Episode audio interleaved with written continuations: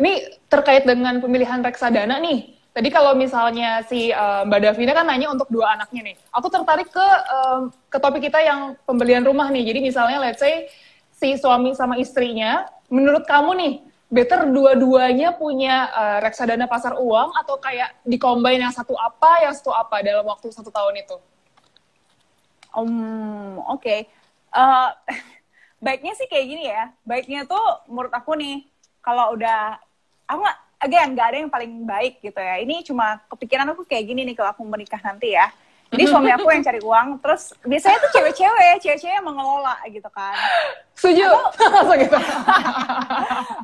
pilih aja lah. Pilih aja mana yang lebih jago ngelola mana yang mana yang lebih I jago ngelola gitu kan. Dan mana yang lebih jago cari duit gitu ya. Ya uh, saya cowoknya cari duit terus aku kelola. Jadi semuanya tuh dalam satu account aku aja gitu. Biar nggak hmm. pisah-pisah kan repot gitu kan. Terus satu mimpi okay. satu account aja.